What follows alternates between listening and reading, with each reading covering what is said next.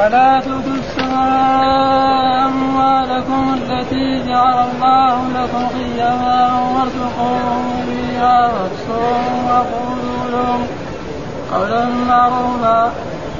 قلت اليتامى حتى إذا بلغوا النكاح فإن آنستم منهم رشدا فادفعوا إليهم أموالهم. ولا تأكلوها إسرافا وبدارا أن يكفروا. ومن كان غنيا فليستعفف. ومن كان فقيرا فليأكل بالمعروف فإذا دفعتم إليهم أموالهم فأشهدوا عليهم وكفى بالله حسيبا. للرجال نصيب مما ترك الوالدان والأقربون وللنساء نصيب. وللنساء نصيب مما ترك الوالدان والأقربون مما قل منه أو كثر. نصيبا مفروضا. وإذا حضر القسمة أولو القربى واليتامى والمساكين فارزقوهم منه وقولوا لهم قولا معروفا. وليخشى الذين لو تركوا من خلفهم ذرية ضعافا خافوا عليهم فليتقوا الله. فليتقوا الله وليقولوا قولا سديدا. إن الذين يأكلون أموال اليتامى ظلما إنما يأكلون في بطونهم نارا وسيصلون سعيرا. أعوذ بالله من الشيطان الرجيم بسم الله الرحمن الرحيم يقول الله تعالى وهو أصدق القائلين ولا تأتوا السفهاء أموالكم التي جعل الله لكم قياما ورسوله وقولوا قولا معروفا وابتلوا اليتامى حتى إذا بلغوا النكاح فإن آنستم منهم فادفعوا إليهم أموالهم ولا تأكلوها إسرافا وبدارا أن يكونوا ومن كان غنيا فليستعفف ومن كان كثيرا فليأكل بالمعروف. فإذا دفعتم إليهم أموالهم فأشهدوا عليهم وكفى بالله حسيبا. في هذه الآية ينهى الله سبحانه وتعالى عن تمكين السفهاء من التصرف في الأموال التي جعلها الله جعلها الله للناس قياما كي تقوم بهم معائشهم ومثال ذلك رجل يكون عنده مثلا مال يتيم ها مات قريبا له أو أخ أو صديق ووضع هذا المال في يد هذا الولد نعم مال سواء كان قليلا أو كثيرا فيجب عليه أن يحفظ هذا المال ولا يسلم لهذا اليتيم ولا يسلم لهذا السفيه ولا يسلم لهذا مثلا المجنون. يعني هذا السفهاء إيه اليتيم. ويشمل كذلك المجنون ويشمل السفيه الذي ما يعرف يتصرف في مال تعطيه اليوم مبلغ من المال يضيعه في يوم أو في يومين. وكذلك يدخل في ذلك الشخص المدين رجل يكون إيه؟ مدين من الناس كثير ثم قدم للحكام الشرعيين القضاة وأخذوا ماله ثم باعوا ذلك المال ثم أعطوا أصحاب الدين. ها والحكام في ذلك ان يتصرفوا تصرفا معقول. مثلا واحد له آه، أخذوا هذا مال الرجل الذي كان يأخذ من الناس أموالهم ثم بعد ذلك صار ما عنده شيء. فاشتكوه فيأخذ الحاكم القاضي ماله ويبيعه ثم يعطي الديان. مثلا شخص له 100 يقول له خذ 70 ها وإذا بقي شيء ردوا وإذا ما بقي شيء وهذا معناه في نهي من الله سبحانه وتعالى ينهى سبحانه وتعالى عن تمكين السفهاء من التصرف في الأموال التي جعلها الله للناس قياما أن تقوم بها معايشهم من التجارات وغيرها ومن هنا يؤخذ الحجر على السفهاء وهم أقسام. تارة يكون الحجر للصغر فإن الصغير مسلوب العبارة. وتارة يكون الحج للجنون وتارة لسوء التصرف بنقص العقل أو الدين وتارة للفلس. فهذا كلهم هؤلاء أي واحد مثلا؟ يعني كان عنده مال لهؤلاء. إما يتيم صغير وإما سفيه وإما مجنون وإما كذلك مرأة سواء كان ذكرا أو أنثى فلا يكفي ها؟ بل يصرف عليه؟ مثلا يقدر له إيه؟ يقدر له مثلا مصاريف اليومية كم يكفيه في اليوم أو كم يكفيه في الشهر ويسلم مثلا لامه أو لقريب له أو يكون عنده ياكل مع أولاده ياكل مع أولاده فلا يسلم المال ابدا. ها يأكل مع اولاده فإن كان هو غني يطعم من مال من وإذا كان لا فقير هو ما عنده شيء فلا بأس أن يأخذ من مال الفقير.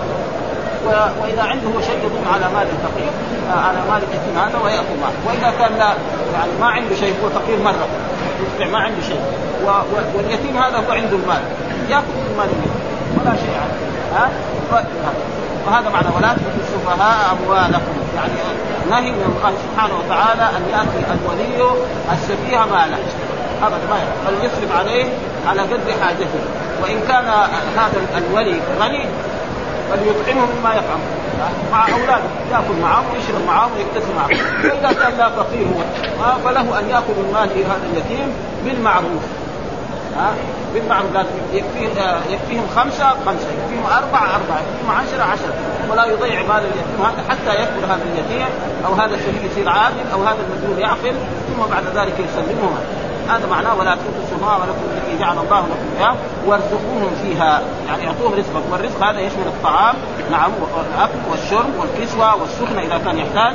واكسوهم وقولوا لهم قولا معروفا يعني قولوا لهم قولا معروفا طيب يعني مثلا يكون السفيه مثلا هذا اليتيم يبلغ الرابع عشر أو الخامس عشر. يجري ولي يقول أعطيني مال أنا بلغت. أنا رجل عادل وأنا أعطيني حقي ها؟ فيختبر ما يروح دغري يقول له يسلم يختلف. يشوف يعني صحيح هو لأنه نحن رأينا مثلا بعض الناس لما يكبر شوية أول ما يعطيه شيء من ماله يمكنه يعني المال قليل يروح يشتري دباب. بعد يومين ثلاثة يسكن في الدباب يروح يعني كذا آه شوية كثير الفلوس مبلغ يشتري سيارة. إذا اشترى سيارة معناه يوم إيه؟ يروح محلات مع الزملاء إلى جهات من الجهات. ويضيع المال وهكذا. فلذلك يقول إيه إن شاء الله نعطيك. الشهر الليل إن شاء الله. هذه السنة لا السنة اللي تجي إن شاء الله أنا اعطيك مال. فهو يروح. بعدين يجي السنة الثانية كمان يجرب. يشوف لسه تعبان كمان يقول له السنة وهكذا حتى يشوف تمام المسارة يتفضل وإذا جاء يبغى يسلم المال يجيب شهود يشهد إني أنا اليتيم الفلاني الذي كان لدي وكان ماله عندي بأمر مثلا ولي أو بأمر الحاكم الشرعي قد سلمت المال الباقي عندي وهو كذا وكذا ويشهد عليه ويأخذ ورقة عنده ويتفضل عشان بكرة لا بعد بعد ما يكبر يصير رجال يقول هذا أكل مالي. يقدم فيه دعوة للمحكمه إن عمي هذا أو وصي هذا أكل مالي. فلازم الولي كمان يكون احتياط. لما يجي يسلم المال يشهد عليه. ها يقول له تعال يا فلان ويا فلان من اقاربه ومن أصدقائه يشهد عليه إنه إيه سلمه ماله. ولذلك هذا يقول الله ولا تسمعوا اموالكم التي جعل الله لكم قيام وارزقوهم فيها واقسمهم وقولوا لهم قولا معروف من القول المعروف يقول له إن شاء الله أنا سأعطيك مالا ها بعد بعد شهر. السنة اللي تجي السنة اللي تجي. وهكذا مثلا حتى تكمل دراستك يكون هو بيدرس إن شاء الله تكمل المتوسط. اما توصل تغلق من الثانويه لما تغلق من الجامعة خلاص. فإذا شافوا الاشهر تفضل. خذ مالك الباقي ها ويشهد عليه. لأنه أخذ بمال و... ويصرف عليه بدون إيه؟ بدون إسراف. ها؟ يعني يصرف عليه. بدون ها؟ ثم بعد ذلك إذا بلغ وابتلوا اليتامى حتى إذا بلغوا النكاح. يعني حتى إذا إيه بلغوا النكاح مع صار إيه بالغ محتلم ها؟ إذا بلغ النكاح يعني إيه بلغ. سن الرشد. سن الرشد كم يبلغ؟ له علامات. إما يبلغ الخامس عشر. وإما أن ينبت يعني أن يخرج منه المني. يحتلم ويخرج منه المني الماء المتدفق. هذا دليل إيه البلوغ وإما ينبت الشعر حول إيه فرجه. سواء كان رجلا أو امرأة. فهذا علامة البلوغ لكن مع ذلك البلوغ لحاله ما يكفي مع الرشد. ها؟ أما إذا بلغ عمره 15 أو 18 هو سفيه ما يعطيه هذا ها؟ هذا مع بلغوا النكاح يعني إيه؟ البلوغ والبلوغ هذا يختلف. يعني أكثر العلماء على انه الخامس عشر. وقد حصل ذلك أن عبد الله بن عمر بن الخطاب رضي الله تعالى عنه أراد أن يخرج في أحد مع أصحاب رسول الله صلى الله عليه وسلم. فرآه الرسول عمره كان 14 وما سمع أن يخرج للجهاد لأنه لم يكن. ولما جاءت السنة اللي بعدها في الخندق رخص له رسول الله صلى الله عليه وسلم أن يخرج للجهاد هذا الخامس والناس يختلفوا في بعض المذاهب يروا أنه الثامن عشر كالمالكيه في كتبهم يعني الثامن عشر. وهذا يختلف باختلاف البلاد، البلاد الحارة يكون البلوغ مبكرا. البلاد الباردة يكون البلوغ متاخر. مثلا الآن في الحجاز هنا يمكن في الخامس عشر، البنات يمكن في الثالث عشر، يمكن في بعض البلاد مثلا في أفريقيا. نعم يمكن في, في التاسعة، وقد حصل ذلك أن عبد الله بن عمر عبد الله بن عمرو بن العاص وولده بينهم 11 سنة. بين الأب والولد 11 سنة. عمرو بن العاص يعني وعبد الله بن عمر بين أبوه وبين 11 سنه وهذا يعني مثلا في بلاد باردة جدا مثلا زي روسيا يمكن. يمكن في التاسع عشر ثم البنات يبلغن قبل إيه؟ الرجال. لأن المرأة يمكن تلد عمرها كم؟ يعني 11 سنة أو 10 سنوات. يمكن. في بعض البلاد مثلا يعني الرياء يمكن لأنها إيه؟ تأكل وتشرب وتجلس. خلاص. فهنا مثلا في المملكة يمكن واحدة عمرها 13 يمكن تجلس. 13 12 ممكن لا تكون مستريحه حالتها الصحيه طيبة وأكلها طيب فيمكن تبلغ ولذلك حتى إذا بلغوا النكاح، إيش بلغوا النكاح؟ يعني بلغوا سن البلوغ وسن البلوغ اما بالخامسه عشر وإما بإنبات الشعر حول الفرج نعم وشعر خشن وإما كذلك بالإحتلام وإما بالحيض فإذا حاضت البنت دليل على أنها بالغ إنما المرأة التي تحيض معناها أنها بالغ فإن آنستم منهم رشدا بهذا الشكل. آنستم وهذا بإيه؟ بالتجربة بالتجربة. لما يكون يقول أنا أعطيني مال يقول له مرحبا يعطي له مثلا ماله آلاف يعطي له 500 ريال. بكرة يقول له تعال فين ال 500 ريال اللي أعطيتك إياها؟ شو إيش الثواب؟ يمكن ضيع في ذاك اليوم. ها؟ اشترى ثم دباب ولا اشترى شيء مصورات ولا اشترى شيء ولا ضيعها في أشياء. يقول له لا خلاص. يعني ماذا ضيع. وإذا كان لا بقع عنده مبلغ وبعد ذلك يقول له آه ها فادفعوه. ولا تاكلوها اسرافا يعني تضيعها مثلا آه يكفي هذا اليتيم مثلا خمسة يقوم هو يصرف عشرة. عليه وعليه هو فقير هو الولد.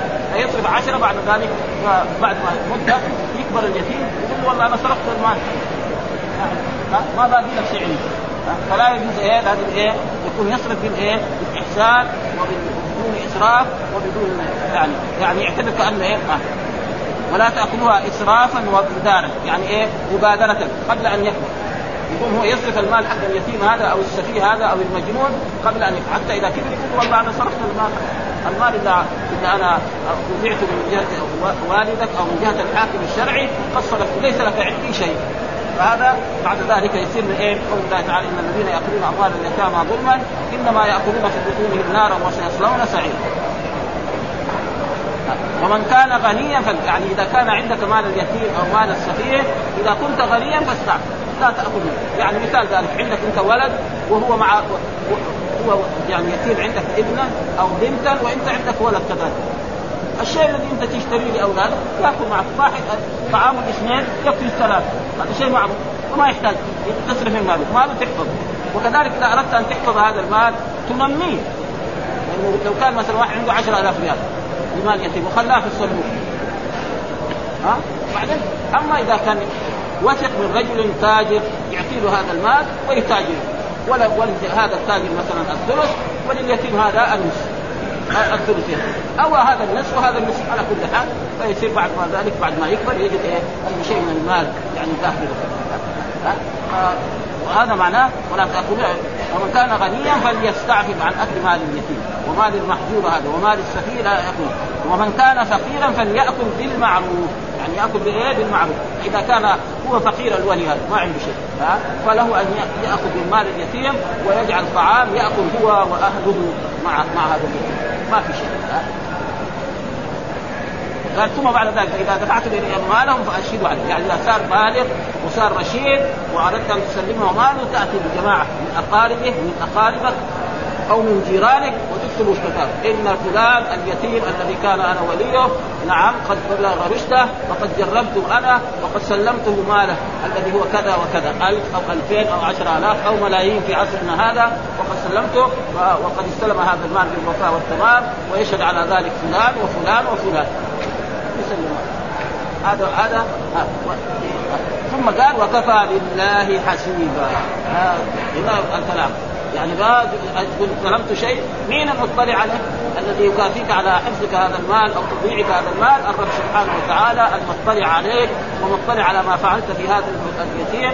وجاء في أحاديث كثيرة على الآية إن الذين يأكلون أموال اليتامى ظلما إنما يأكلون إيه؟ في بطونهم نارا وسيصلون سعيرا. وعيد شديد هذا. ها وعيد شديد ولا فرق بين أكل مال اليتيم أو مثلا احراق واحد يقول لا أنا ضيعت مال اليتيم. احرقوا بالنار هو هو. ها بس إنما الله قال الأكل لأنه إيه؟ أكثر الاستمتاع بإيه؟ الأكل. بس وإذا ليس قال عنده أراد ضيعه آه عنده مثلا بيوت أو عنده مساكين آه حربه فإنه سيكون من الذين اكلوا اليتيم وهذا ويكفي ذلك الآية وكفى بالله حسيبا. يعني الله سيكافئك أنت أيها الولي إذا ضيعت هذا مال اليتيم نعم وتصدى فإن الله سيسألك عن ذلك وسيحاكمك يوم القيامة يوم لا ينفع مال ولا بنون إلى غير ذلك فيجب عليك ان أن تحفظ هذا المال وتؤديه لليتيم عندما يبلغ رشده بعد أن يتبين لك رشده. ثم بعد ذلك يقول الله تعالى للرجال نصيب مما ترك الوالدان والأقربون وللنساء نصيب مما ترك الوالدان والأقربون مما قل منها وكثر نصيبا كان في الجاهلية إذا مات الشخص له أولاد وله بنات. الميراث للرجال. البنات ما يعطون ولا قرش. ها؟ جاهلية. ما يعطون. ها؟ يقول لك الرجال هم اللي إيه؟ هم الذي يحاربوا وهم الذي يفعلوا كذا. واما البنات والنساء ليس لهم شيء وجاء الإسلام لا الرجال لهم ميراث والنساء لهم ميراث. وقد بين الله ذلك في ايات الميراث التي تأتي بعد هذه الآيات. وهي قول ثلاث آيات يوصيكم الله في أولادكم للذكر مثل حظ الأنثيين. فإن كن نساء فوق اثنتين فلهن ثلث ما ترك وإن كانت واحدة فلها النصف والابوين لكل واحد من الثلث مما ترك. والآية الثانية ولكم نصف ما ترك أزواجكم إن لم يكن لهن ولد فان كان لهن ولد فلكم ربع ما تركنا من بعد وصية. والآية الثالثة يستفتونك قل الله يفتيكم في الكلام في آخر السورة. هذه نص السورة. يستفتونك في الكلام ان امرؤ ولا وله ولد أو اخت إيش يستفتونك في النساء قل الله يستفتونك في الكلالة ها والله يفتيكم فيهن ما يتلى عليكم في الكتاب في يتامى النساء اللاتي لا تؤتون ما كتب لهن وترك إيه؟ ها؟ ها؟ في الكلالة إن امرؤ هلك. ليس له ولد ولا أخت فلا نصف ما ترك وهو يرث وإن لم يكن له ولد. فإن كانت اثنتين فلهما ثلثان مما ترك. وإن كانوا إخوة رجالا ونساء فللذكر مثل حظ الأنثيين يبين الله لكم أن تضلوا والله. وفي الأول جاءت وصية. يعني جاء في آيات آه أن الإنسان إذا مات يوصي بإيه؟ بأقاربه ثم نسخ ذلك. فالآن إذا كان الإنسان يعني أراد يوصي لا يوصي لوارث يوصي لمين؟ للأجانب. ها؟ مثلا اولاده ما يوصي لهم شيء من المال لأن الله أعطاهم حق. زوجته ما يوصي نعم مثلا أبوه إذا كان موجود لا يوصي أما مثلا أخوه ويكون عنده أولاد. الأخ ما يعرف مع وجود الأولاد. العم لا يعرف. فهذول إذا أوصى لهم أو أوصى لناس يعني فقراء. لا يعني ما في بينهم قرار. فهذول يوصي لهم واما يعني الوارث لا وجاء في أحاديث لا وصية لوارث حديث بهذا النص. لا وصية لوارث ولذلك في الآيات جاء يعني في الآيات يوصيكم الله في أولادكم الذكر إن كن نساء فوق الكفين فلهن ثلث ما ترك. وإن كانت واحدة فلها النصف ولأبوين يعني بعد الوصية. وبعد ذلك ذكر إيش يقدم إذا مات الميت؟ أول شيء يعني القيام بإيه؟ بما يستحقه من التجهيز. من من الكفن ومن غسله ومن الصلاة عليه إذا يحتاج مال. ثم بعد ذلك الدين ثم بعد ذلك الوصية ثم بعد ذلك الميراث. أول شيء يسدد الدين. ثم بعد ذلك نعم الوصية ثم بعد ذلك الميراث. إذا كان الوصية بحق يعني ما تكون من الثلث فأقل. أما إذا راح أوصى لماله كله هذا لا يجوز. ها ولذلك هنا يقول للرجال نصيب مما ترك الوالدان. للرجال الأولاد الذكور نعم نصيب مما ترك الوالدان والاقربون الوالدان الأب والأم والاقربون مثلا آه العم وابن العم هذول يرثون أو الجد. ها لأن الجد يسمى أب كذلك. فلذلك ها وللنساء نصيب كذلك. النساء كذلك لهم نصيب. ها فالرجل إذا مات وترك بنتا فالبنت ترث. ترك أما الأم ترث. الجاهلية ما كانوا يورثون. لا البنت ولا الأم ولا شيء. بس يقول لك هذول اللي يحاربوا ويقاتلوا فهذه إيه؟ جاهلية. والجاهلية موجودة في كل وقت. ها الجاهلية موجودة. كل ما يخالف كتاب الله وسنة رسوله يسمى جاهلية. ها وقد راينا كتاب لسيد قطب يقول جاهلية القرن العشرين. كتاب هو كتاب من أحسن الكتب في هذا الموضوع. ها؟ جاهلية القرن العشرين. وهو كاتب في المقدمة. يقول كيف واحد يعني يقول جاب نص بنفسه كيف واحد يقول جاهلية القرن القرن العشرين إيه؟ يعني قرن إيه؟ متقدم. من جهة الدنيا. من جهة الدنيا متقدم. شوف الصواريخ الدنيا والطيارات وهذا كيف تقول جاهلية؟ والناس متقدمين في الصناعات وفي الأموال وفي قال تعالوا. يقول لهم تعالوا. تعالوا نشوف إيش؟ مثلا نحن اقتصادنا كيف؟ ماشي على الإسلام ولا على الجاهلية؟ ماشي على إيه؟ على الربا. الربا. جاهلي طيب تعليمنا. آه جامعاتنا. آه بيعنا شراءنا. آه اعمالنا نعملها كل جاهلية. فالجاهليه كانوا بس الجاهليه بس ذلك الكفار قريش اللي كانوا يعيدون البنات لا كل ما خالف كتاب الله وسنة رسوله من ذلك العام إلى أن تقوم القيامه جاهلية. ها آه كل ما يخالف كتاب الله وسنة. ولذلك كانوا هذه الجاهلية لا يورثوا النساء ابدا أي مرأة يموت لها قريب ثم الذكور يأخذ الأموال والنساء لا يحصلن شيء. فجاء الإسلام لا أعطى كل ذي حق حقه. حق آه الرجل أعطاه حقه والبنت أعطاها حقها والأولاد أعطاه حقها والأمير والنساء كل واحد أعطاه وجاء هذا في الآيات الموجودة في هذه السورة وللرجال نصيب ما ترك الوالدان والاقربون وللنساء نصيب ما ترك الوالدان والاقربون مما قل منه أو كثر نصيب ثم قسمه الله سبحانه وتعالى. يجي ناس المعترضين في عصرنا هذا يقول الإسلام مثلا يعطي الذكور الأولاد أكثر من البنات. هذا هذا الانصاف وهذا الحق لأن الولد الذكر نعم هو يتزوج يقال صداق. ولا لا؟ طيب أما البنت لما تأخذ النصف يكفيها لأن هي بعدين يجي الزوج نعم يفرض لها صداق ويتزوجها ويوديها إلى بيت وينفق عليها ويقوم بخدمتها ويكسوها. هذا غاية الإنصاف. غاية الإنصاف. يعطيها نصف ما قال الربع الثلث نصف. الرجل الولد الذكر ياخذ 10 هي تاخذ خمسه ياخذ هو ياخذ 1000 هي تاخذ 500 وهذا هو الإنصاف تمام. هم الآخرين يقول لك ليه؟ لا لأن هذه هذا هذا الصواب لأن حكم الله سبحانه وتعالى والله أعلم بما يستحق كل إنسان مما قل منه أو كثر نصيبا مفروض ثم بعد ذلك اذا نحن جئنا نقسم التركة نعم مثلا مات شخص ما وكان له أقرباء وكان مثلا ترك مالا وهذا المال يعني ترك مثلا زوجة وترك أولاد نعم وترك ابا إذا جينا نحن نقسم يعني كان الإنسان من طلبة العلم أو من أقاربه يعرف الحساب أعطى الولد حقه وأعطى البنت حقها وأعطى الزوج حقه تيجي ناس يعني مثلا من اقاربه جاء مثلا العم أو جاء الخال أو جاء ناس من الجيران. يشوف هذا مثلا أعطوه 2000 ريال هذا 5000 ريال هذا 100 ريال واحد مثلا في عصرنا هذا الناس ملايين. هذول اللي جالسين. كمان أعطوهم شوية. خذوا من من هذول اللي قسمتوا لهم أعطوا هذا مثلا خمسة وهذا عشرة وهذا عشرين وهذا. يعني لا يمكن. لا يصير إيه؟ يعني يحضر القسمه ولا يحصل ولا شيء. فاذا حضر القسمه اعطوهم شيء. ولو قليل يقول لهم هذول الناس ضعاف. والا كان نحن نقدر نعطيكم أكثر من ذلك. وهذا معنى الآية. يعني اذا حضر القسمة اولو القربى. يعني إيه؟ العم أو ابن العم أو الخال أو ابن الخال أو الجيران. نعم. هذا ها, واليتامى. واليتامى قلنا اليتيم كل من فقد والده وهو إيه؟ لم يوم والمساكين. والمساكين الذين كانوا فارزقوهم من يعني أعطوهم من هذا الشيء. الذي تقسموه آه إما من قبل نقسم من قبل مثلا المال كذا نخرج مثلا السدس أو يعني العشر العشر نوزع على ذلك. بعدين نقسم بنفس فكل واحد يقول إيه هذول أخذوا حقهم اللي أعطاهم الله وهذول اللي أعطيناهم شيء جديد. يمكن يقول الله يبارك لهم فيما أعطاهم. ها؟ ويدعو لهؤلاء الايتام أن الله يصلحهم وأن الله يفعل بهم كذا وكذا؟ فيكون هذا هذا معنى الآية. وقولوا لهم قولا معروفا. إنه لو كان هذا المال كثير كان والله نحن نعطيكم أكثر من هذا. ثم يقول الله تعالى وليخشى الذين لو تركوا من خلفهم ذرية ضعافا خافوا عليهم فليتقوا الله وليقولوا قولا هذا مع الآية هذه نزلت في شخص مثلا يكون غني نعم وعنده أموال كثيرة ثم بعد ذلك وأحس كأنه رجل كبر سنه وأنه قريب سيموت يقوم إيه يوصي وصية مثلا يقول نصف مالي للفلانين للفقراء أو للمساكين. لا يفعل هذا.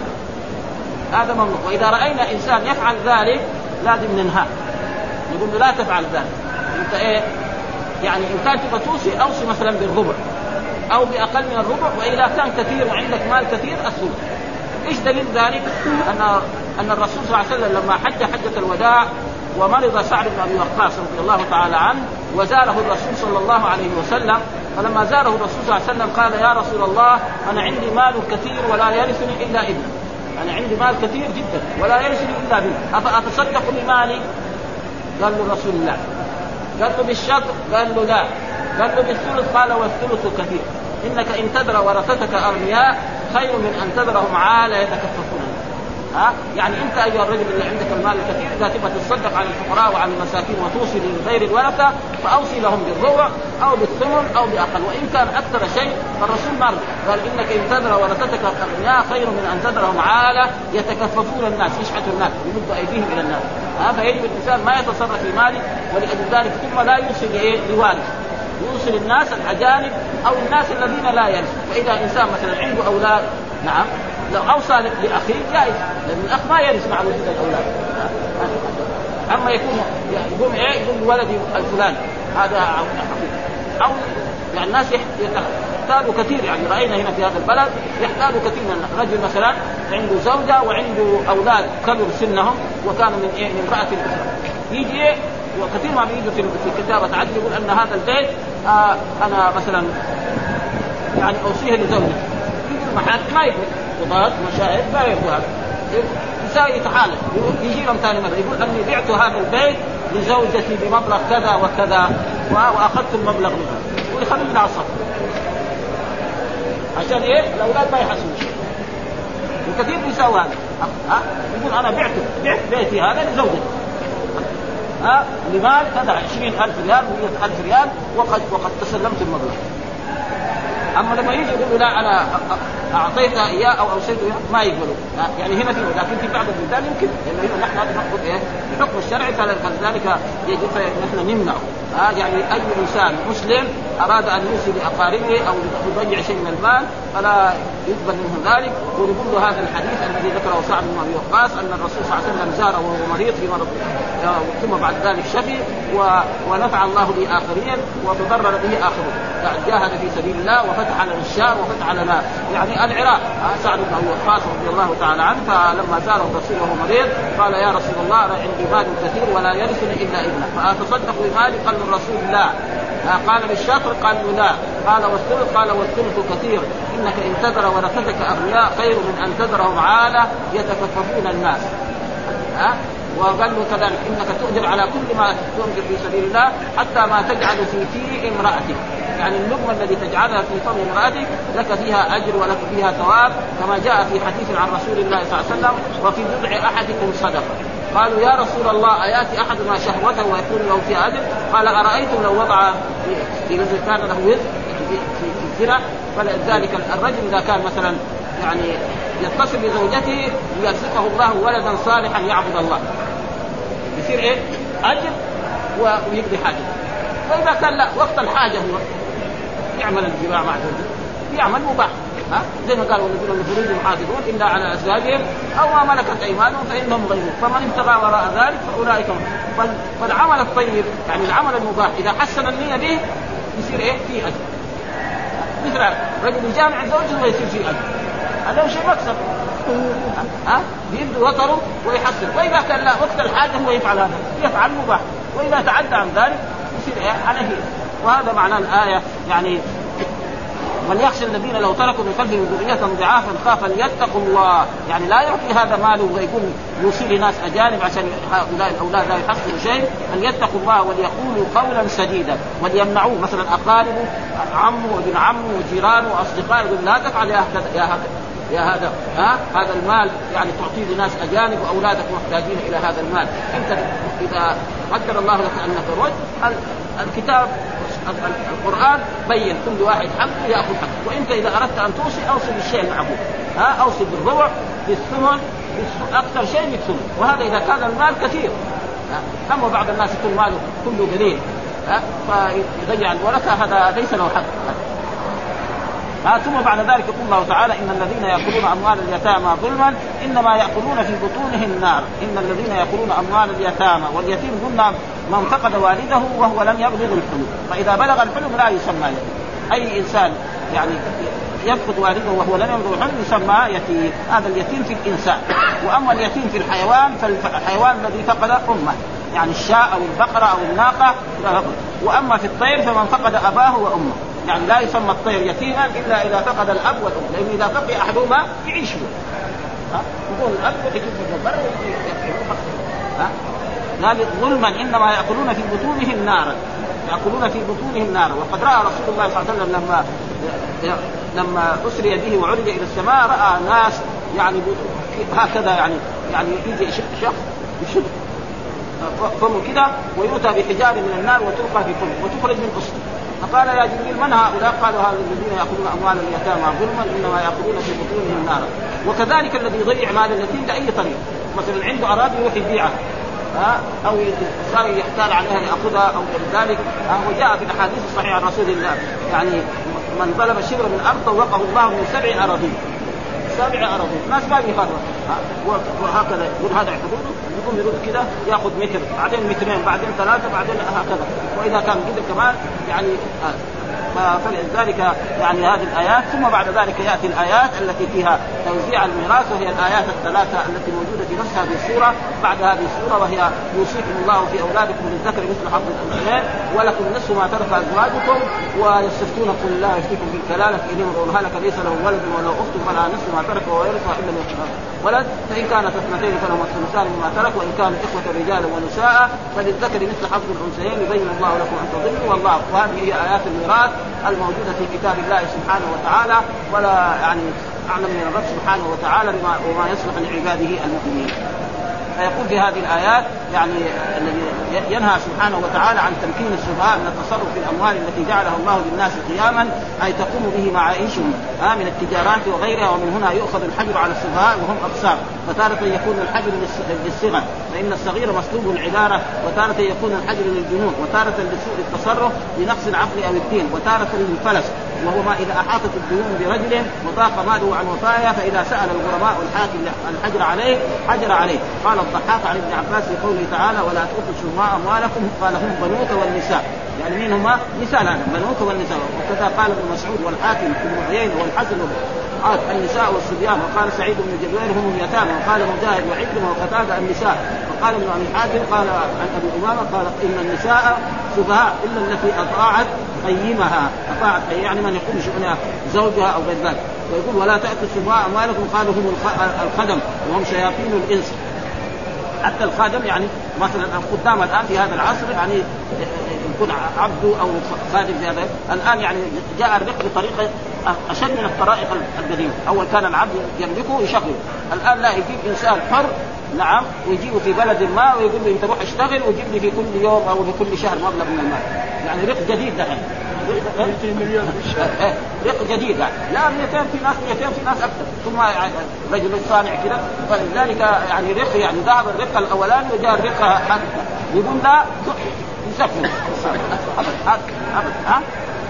شيء يعني وإلا يعطيهم المبالغ هذه وإلا فهذه لا حول ولا قوة إلا ولذلك تجدهم يفعلوا هذه الأشياء ولا يستفيدوا ابدا ها؟ فقراء ليه؟ لأن المال إذا كان حرام ما ينفع.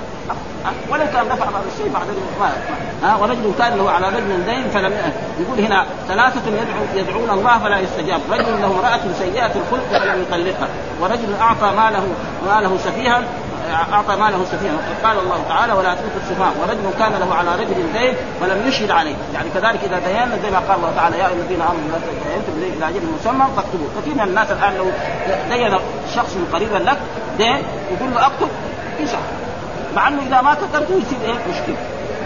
ها؟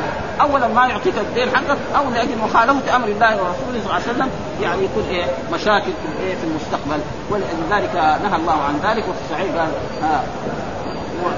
ثم بعد ذلك قال واتوا اليتامى ما حتى إذا بلغوا النكاح، إيش قال مجاهد الحلم؟ قال الجمهور من العلماء البلوغ والغلام تارة آه والغلام تارة يكون بالحلم وهو أن يرى في منامه ما ينزل منه من الماء الدافئ وهو المني يعني. ها يكون منه ولد وفي سنن أبي داود قال حديث من رسول الله صلى الله عليه وسلم لا يطم بعد احتلام ولا سمات يوم إلى الليل. وفي الحديث الآخر عن عائشة وغيرها من الصحابة عن النبي صلى الله عليه وسلم رفع القلم عن ثلاث الصبي حتى يحتلم أو يستكمل 15 سنة وعن النائم حتى يستيقظ وعن المجنون حتى يفيق وخذوا ذلك من الحديث الثابت في الصحيحين. عن ابن عمر قال عرضت على النبي صلى الله عليه وسلم يوم أحد وأنا ابن أربع عشره فلم يجدني وعرضت عليه يوم الخندق وأنا ابن خمس عشر سنة فاجازني فقال عمر بن عبد العزيز لما بلغه هذا الحديث إن هذا الفرق بين الصغير والكبير اختلف اختلفوا في نبات الشعر الخشب. هذا علامه حول الفم. وهذا يدل على البلوغ أم لا؟ على ثلاث يفرق في الثالث بين صبيان المسلمين. فلا. والصحيح أنه لا فرق بين يعني أولاد المسلمين وغير المسلمين. لأنه هذه أشياء جبلة وطبيعة.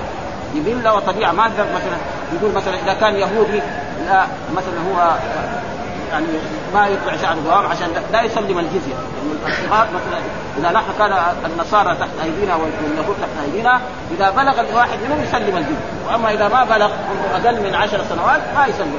فهذه أشياء يعني ثم قال فإن آنستم منهم قال سعيد بن جبير يعني آه يعني صلاحا في دينهم وحفظا لأموالهم. يكون دين وحفظا لأموالهم. وكذا روي عن ابن عباس والحسن البصري وغير واحد والأئمة وكذلك إذا بلغ الغلام مصلحا لدينه وماله. آه إن فك عنه فيسلم إليه مال الذي تحت يده وليه وقول ولا تأخذوها إسرافا وبدارا أن يكون ينهى الله تعالى عن اكل أموال اليتامى من غير حاجة من ضرورية إسرافا وبدارا. يعني بدارا أي مبادرة قبل بلوغه حتى لما يبلغ يقول له مالك شيء عندي. أنا صرفت. ها؟ وكان يجب كمان إذا كان مثل هذا أن الولي هذا كل ما يصل شيء مال اليتيم يكتب حتى بعد ذلك يوريه أما الانفاق مثلا جاءت الأعياد أو جاء وقت المدارس يكتب عليه اشترى له كذا وكذا وكذا وكذا. فحتى بعد ذلك لو يعني انتهى المال أو صار بقي قليل يكون إيه يعرف ثم ومن كان فقيرا فليأكل. قال ابن أبي حاتم عن سليمان ومن كان غنيا فلنزل في مال اليتيم. حدثنا عن عائشة قال من كان فقيرا فليأكل بالمعروف. نزل في في ولي اليتيم الذي يقوم عليه ويصلح إذا كان محتاجا أن يأكل منه. وحدثنا ابي حدثنا ولذلك ما نزلت هذه الآية ونزلت الآية الآية ان تخالفون فإخوانكم يعني شق على المسلمين. يعني مثلا إذا كان اليتيم مطبخ له قدر لحال وأولاده لحال. بعد ذلك اليتيم يأكل إيه؟ جزء والباقي إذا تركناه جاء في اليوم الثاني قلنا له كل ما يرضى أو يخلي في الخربات لكن ما في يعني أشياء حديثة زي الآن. الحين يحطه في الثلاجة ويقعد ما يجرى شيء. لكن هو ما يرضى. الناس ما يرضى. يعني الناس إذا كان فيهم خير ما يرضى الطعام حتى الباقي. ها؟ رأينا يعني ليش الله أجاز العرية؟ العرية ليش أجازها؟ لأن الناس في أيام الرطب لو تجيب لاولادك تمر ما يرضى يبقى إيه؟ رطب ما يرضى ابدا أولادك وزوجتك أيام الرطب تجيب له تمر كله. التمر والرطب كل واحد. التمر يقول لك ما يجيب لنا رطب معناه إذا ما في رطب ياكل ها؟ فلذلك يجب إيه؟ أن الإنسان يعرف هذه الأشياء و قال كل من مال يتيمك غير مسرف ولا مبذر ولا متاثر، يعني متاثر يعني لا يعني تضم إلى ماله، وهذا ما يكون في الأراضي وفي البيوت وفي غير ذلك، فهذا يجب على الناس أن يكون فقال إن في حجري ايتاما وإن لهم إبلا ولي إبل وأنا امنح من إبلي فقراء فماذا يحل من ألبانها؟ فقال إن كنت تبغي ضالتها وتهن جرابها وتلوط حوضها وتسعى عليها فاشرب غير مضر بنفسه يعني رجل جاء للرسول وقال أنا عندي أيتام وعند الأيتام هؤلاء ابن وأنا عندي ابن وأنا ابني مرات أتصدق بها على الفقراء وعلى المساكين، إيش أفعل يعني بابل الايتام هذول؟ قال هل أنا أشرب من لبنها؟ قال يشرب لبنها، لكن بشرط إيه؟ إذا واحدة ضاعت تروح تفتش عليه تدور عليها ها؟ وإذا كانت مريضة ظروفه نعم تجعل لها إيه؟ العلاج وعالجها. فإذا كنت تفعل كذا لك أن تشرب. وإذا كان لا لما تضيع مالك كل روح ربنا عندك ما لي شغل ها؟ لا ما لك ها؟ فلذلك يجب على الناس أن ثم ذكر في الآية الثانية الشيء بسيط ينهى سبحانه وتعالى عن تمكين وهنا للرجال نصيب ما ترك الوالدان والأقربون وللنساء نصيب ما ترك الوالدان والأقربون مما قل منه أو كثر قال سعيد بن جبير وقتادة كان المشركون يجعلون المال للرجال الكبار ولا يورثون النساء ولا الأطفال حتى الأطفال شيئا. فأنزل الله تعالى للرجال نصيب ما ترك الوالدان والأقربون الآية الجميع فيه سواء في حكم الله تعالى يستوون في أصل الوراثة. وإن تفاوتوا بحسب ما فرض الله لكل منهم بما يدلي به إلى الميت من قرابة أو زوجية أو ولاء فإن لحم فإنه لحمة كلحمة النسب. وروى ابن عن قال اتت إلى رسوله وقالت يا رسول الله إن الابنتين قد مات أبوهما وليس لهما شيء. فأنزل الله تعالى للرجال نصيب ما ترك الوالدان والأقربون. وهذا سيأتي بعد ذلك في الآيات. انه توفي زوجها وترك بنتين. فقام العم أخذ المال كله. فجاءت إلى رسول الله صلى الله عليه وسلم وقالت يا رسول الله إن يعني أبو الثلاثه قد مات وترك مالا وإن عمهما أخذ المال. فنادى العم قال له وجاء إيه؟ القسم في الميراث قال أعطي البنتين الثلثان وأعطي الام إيه؟ الثمن ها ولك أنت الباقي عاصم عاصم ومعروف أن الميراث يكون إما يعني فرض وإما يكون ولا وإما يكون يعني الزوجية الرجل وسيأتي هذا في إيه؟ في الآيات التي بعد هذا وهي قول الله تعالى يوصيكم الله في أولادكم للذكر فأنزل الله تعالى للرجال مثل ما ترك الرجال يقربون وسيأتي هذا الحديث عند آية آية الميلاد بسياق آخر والله أعلم. وإذا حضر الطفل قيل المراد إذا حضر قسمة الميلاد والفرقة من ليس بوارث واليتامى فلينضخ لهم. يعني من التركه نصيبه وإن ذلك وإن ذلك كان واجبا في ابتداء الإسلام وقيل يستحب اختلفوا هل هو منسوخ أم لا؟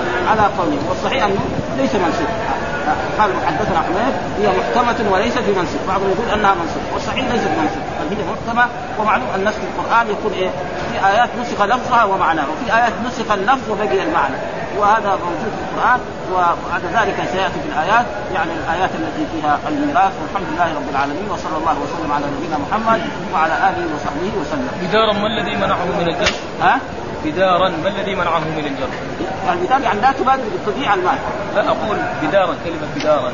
ما الذي منعه من الجر؟ ها بدارا. الآية أيوه نعم. بدارا. أن يكبروا. إيه إيه أن- بدارا أن يكبروا. يعني قبل أن يكبروا لكن النصب يعني يسأل لماذا لا؟ أي نعم. إيه نشوف. ولا تأكلوها إسرافا وبدارا. أن لا تأكلوها إسرافا ولا تأكلوها بدارا.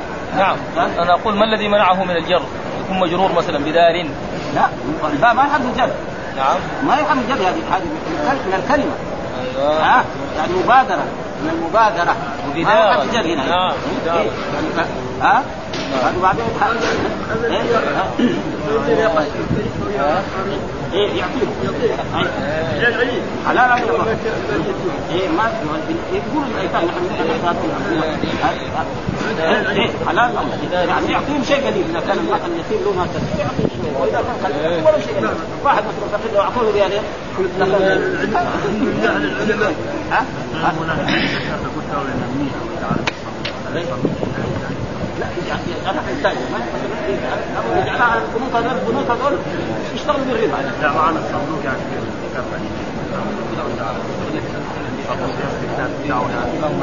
لا يجعل يشغل تاجر فيها تاجر ويتاجر فيها ويكون لليتيم مثلا الثلث أو النصف وهو له آه، لليتيم الثلثان وهو له هذا اذا تاجر فيها يثق يصير له ثلث هذا أنا أنا قاعد ان كذا على كل شهر يجيب وثمانين سنه مثلا كل شهر يجيب مثلا 1000 لغايه الشهر ياخذ ثم ثاني هذا هذا هذا هذا يحدث عند التاجر وهذا التاجر يتاجر ويصير لليتيم الثلثان مثلا وهو هو الثلث التاجر وإذا ما يعرف هذه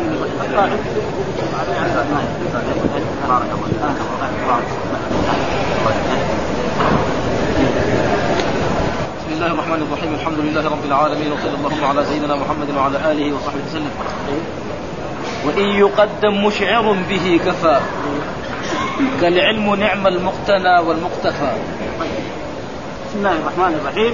يعني إن واذا كان تقدم ما يشعر بالمدح أو بالذم فما يحتاج بعد ذلك نقول إيه يعني نجيب إيه المخصوص بالمدح أو المخصوص. مثال ذلك مثال. العلم نعمه المقتفى والمقتفى العلم. ما يحتاج يقول العلم نعم المقتفى العلم ثاني مرة نعم ما المقتنى ما يحتاج. لأنه خلاص باين ها ها؟ ها؟ خلاص نحذفه يعني يجوز الفتح هذا اذا دل أو مثلا الآيات اللي مثلا آه نعم العبد نعم نعم العبد. مين هو؟ أيوب. لأنه باين إيه سياق الآيات. ايات القرآن يتكلم عن مين؟ عن أيوب عليه السلام. فقال نعم العبد إنه أواب. خلاص ما يحتاج يقول أيوب ثاني مرة. فقال كفى هذا؟ هو كذلك في هذا المثال قال وان يقدم مشعر به ها كفى. العلم نعم المختفى. خلاص ما يحتاج يقول العلم نعم المختفى العلم. هذا اللغة العربية ما تقبل كلام زي هذا. واضح. إذا تقدم ما يدل على المخصوص بالمدح أو الذم أغنى عن ذكره آخرا آخرا. آه، كقوله تعالى في أيوب. إنا وجدناه صابرا نعم العبد إنه أواب. إنا وجدناه صابر وجدناه مين ووجدناه هذه وجدناه على ها؟ يعني الفاعل عائد على الرب والهاء وعائد على مين؟ على أيوب عليه السلام. قال نعم العبد. خلاص نعم العبد فعل نعم فعل. انشاء المدح والعبد فاعل وال- والمقصود بالمدح فين؟ قال محسوب لأنه في دليل يدل عليه طيب. أي نعم العبد. إيه. أيوب. إيه. نعم. فحذف إيه. المخصوص بالمدح وهو أيوب وهو أيوب لازم؟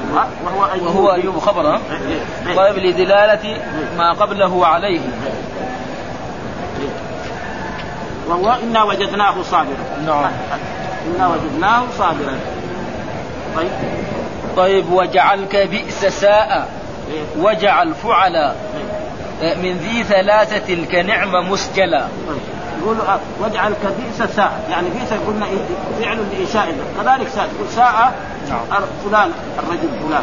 زي حكم إيه؟ يكون إيه؟ حكم بئس هو حكم ساعة وكذلك يجي بعد ذلك زي ما أن نعمة فعل لإنشاء المدح كذلك يجي حبذا في اللغة العربية. نعم. تقول حبذا خالد. وتبغى ثم مثلا تقول حبذا آه لا حبذا أبو لهب. لا وتحط حبذا يصير هو. لإنشاء الذنب فعندنا إنشاء المد نعمة وبئس وساء والإنشاء المد كذلك حبذا والإنشاء الذم لا حبذا. هذا يذكر هذه الأشياء في يستعمل ساء في الذم. أيوه آه، استعمال بئس. أيوه فلا ي... آه، فلا يكون فاعلها. إلا ما يكون فاعلا لبئس يعني محلى بالالف واللام أو مضاف بما فيه الألف واللام أو ضمير مستتر ويجي بعد التمييز والفاعل دحين مستتر في عائد على مين؟ على رجل هذا من إيه؟ عود الضمير على متأخر لفظا ورتبه، لكن هذا إيه؟ جائز في إيه؟ في الأبواب الخاصة الخمسة هذه. يمكنها باب نعمة وبئس وكذلك ربه رجلا في باب رب إذا جرت جرت الضمير وكذلك في باب التنازل باب التنازل إذا عملنا إيه؟ الثاني. ها؟ عملنا الثاني وأعطينا الأول ما يحتاج سواء من مرفوع أو منصوب أو غير ذلك. ها، هذا هو. وكذلك في البدن. البدن ما ما ساء هو زيد يعني. إيه ساء هو إيه. ساء هو فهو يكون عائد على رجل. والتمييز يكون إيه؟ بعد مميز أيوة ساء هو إيه رجل. رجل. هذا. من المواضع. الذي يعود الضمير على متأخر لفظا ورتبه وهي مواضع خمسة في اللغة العربية بس. أيوه. ها. ساء مثلا القوم إيه الذين كذبوا نعم. إيه إيه. نعم. آه، ويذكر بعدها المخصوص بالذم كما يذكر بعد بئس وإعرابه كما تقدم. وأشار بقوله وجعل فعلا إلى أن كل فعل ثلاثي يجوز أن يبنى آه، منه فعل. فعل فعل فعل فعل آه، على فعل. إيه. لقصد المدح أو الذم ويعامل معاملة نعمة وبئس. في جميع ما تقدم. لهما من الأحكام. فتقول شرف الرجل زيد. شرف الرجل فتقول شرف إيه؟ فعل إنشاء المدح. نعم. والرجل فاعل وزيد. هذا بايه؟ بالمدح ولأم الرجل بكر. هذا بالذم لا أمة وشرف آه، غلام الرجل زيد. زيد هذا دحين إيه؟ مضاف لما فيه الألف واللام الفاعل. آه، وشرف رجل وش- وشرف رجلا زيد. إيه؟ شرف رجلا زيد. رجلاً زيد. رجلا حكم تمام. ومقتضى هذا الإطلاق أنه يجوز في في علم في علم. في علم. أن يقال علم الرجل زيد. بضم عين الكلمة. وقد مثل هو وابنه به. يعني عين اللام يعني ها؟ يعني العين هي؟ الحرف الوسط. المصنف إيه؟ عندهم الحرف الأول فاء الكلمة. الحرف الثاني عين الكلمة. الحرف الأخير لام الكلمة. اصطلاحا صرف وقد مثل هو وابنه يعني المصنف؟ هي مثل هي وصرح غيره أنه لا يجوز تحويل آه، علم وجهل آه، وسمع آه، إلى فعل بضم العين. لأن العرب حين استعملها هذا الاستعمال استعملتها حين استعملها استعملتها. هذا الاستعمال أبقتها على كسر كسرة كسرة عينها. نعم. آه، ولم تحولها إلى الضم. فلا يجوز لنا تحويلها. آه، بل نقلبها بل نبقيها على حالها كما أبق- أبقوها. فتقول علم الرجل زيد. يعني هذا لكن وجهل الرجل عمرو وسم نعم وسمع الرجل بكر. يقول لا يعني ما نقول زي زي ما هو مثل في الأول. نعم. يعني شرف و ولؤم. لا نخليه زي هذا. لا الظاهر انه لا مثل الأول يعني لازم إيه نغير الصيغه طيب. ومثل نعم حبذا حبذا الفاعل ذا. إيه؟ ترد ذما. ذما فقل لا حبذا يعني كذلك هذا فعل انشاء المد كما أن نعمة وبئس استعراض انشاء كذلك حبذا ولا حبذا. يبغى يمدح يقول حبذا الرجل خالد. نعم. يبغى يذم يقول لا حبذا. بس نعم. إن ذا هنا إيه؟ فاعل. نعم. واللي يجي بعدها نقول مقصود بالمدح أو مقصود بالمدح أيوه. يقال في المدح حبذا زيد. أيوه. آه، وفي الذم لا حبذا زيد. كقوله ألا حبذا أهل أهل الملا. غير أنه إذا ذكرت مي فلا حبذا هي هذا هذا واحد بيت جاب مي نعم؟ الا حبذا أهل الملا الا حبذا أهل الملا غير أنه إذا ذكر ها، فلا حبذا هذا كله للذم يعني. لكن لا الأولاني ألا حبذا ها. أهل الملا هذا هذاك لمن؟ ألا هذاك حرف تنبيه ألا بس الثاني هو شو يعني إيش ذكر؟ الأول مدح ها؟ لمن؟ واختلف واختلف في أهل الملا ولا حبذا حيث استعمل حبذا في صدر البيت في المدح كاستعمال نعمة واستعمل لا حبذا في عجز البيت في الدم واختلف في إعرابها فذهب أبو علي الفارسي آه، الفارسي في البغداديات وابن برهان وابن خروف وزعم أنه مذهب سيبويه. أيوه مذهب مش كده؟ إيه إيه. أنه أنه مذهب. مذهب نعم. مذهب سيبويه. وأن من آه، وأن من نقل عنه غيره فقد أخطأ عليه. واختاره المصنف إلى أن حب آه، فعل ماض وذا فاعله وأما المخصوص فجوز. فيجوز إيه. فجوز أن يكون مبتدأ. إيه. آه، والجملة قبله خبر. آه، نعم وجوزوا وجوز أن يكون آه، خبرا لمبتدأ محذوف وتقديره هو, هو زيد. أي الممدوح أو المذموم. زيد. واختاره المصنف وذهب المبرد آه، المقتضب المقتضب آه؟ كتاب في المقتضب. في المقتضب. وابن السراج في الأصول. آه، وابن هشام وابن هشام اللخمي آه، آه، واختاره ابن عصفور إلى أن حبذا اسم وهو مبتدأ. والمخصوص خبره. آه، أو أو خبر مقدم. والمخصوص مبتدأ مؤخر. بس يعني قالوا الأول هو نعم فركبت حبذا مع ذا. حب مع ذا.